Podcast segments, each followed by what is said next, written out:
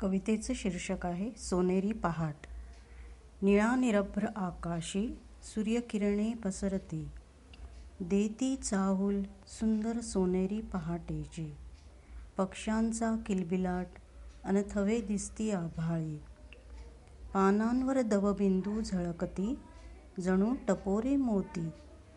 पारिजात जाई जुई आणि शेवंती सुगंध पसरवती. मंदिरात शंखनाद आणि टाळ्यांचे सुर गाजते. निळा निरभ्र आकाशी सूर्यकिरणे पसरते. सर्वत्र पसरलेल्या सफेद धुक्याला भेदून जाते. हिरव्यागार शेतांची जणू चादर पसरली. दूर कुठेतरी झोपडीत दिसे शेकोटी पेटलेली.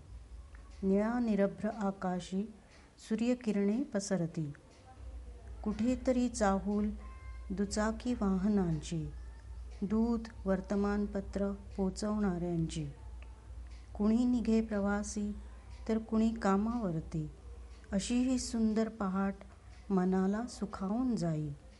निळा निरभ्र आकाशी सूर्यकिरणे पसरती.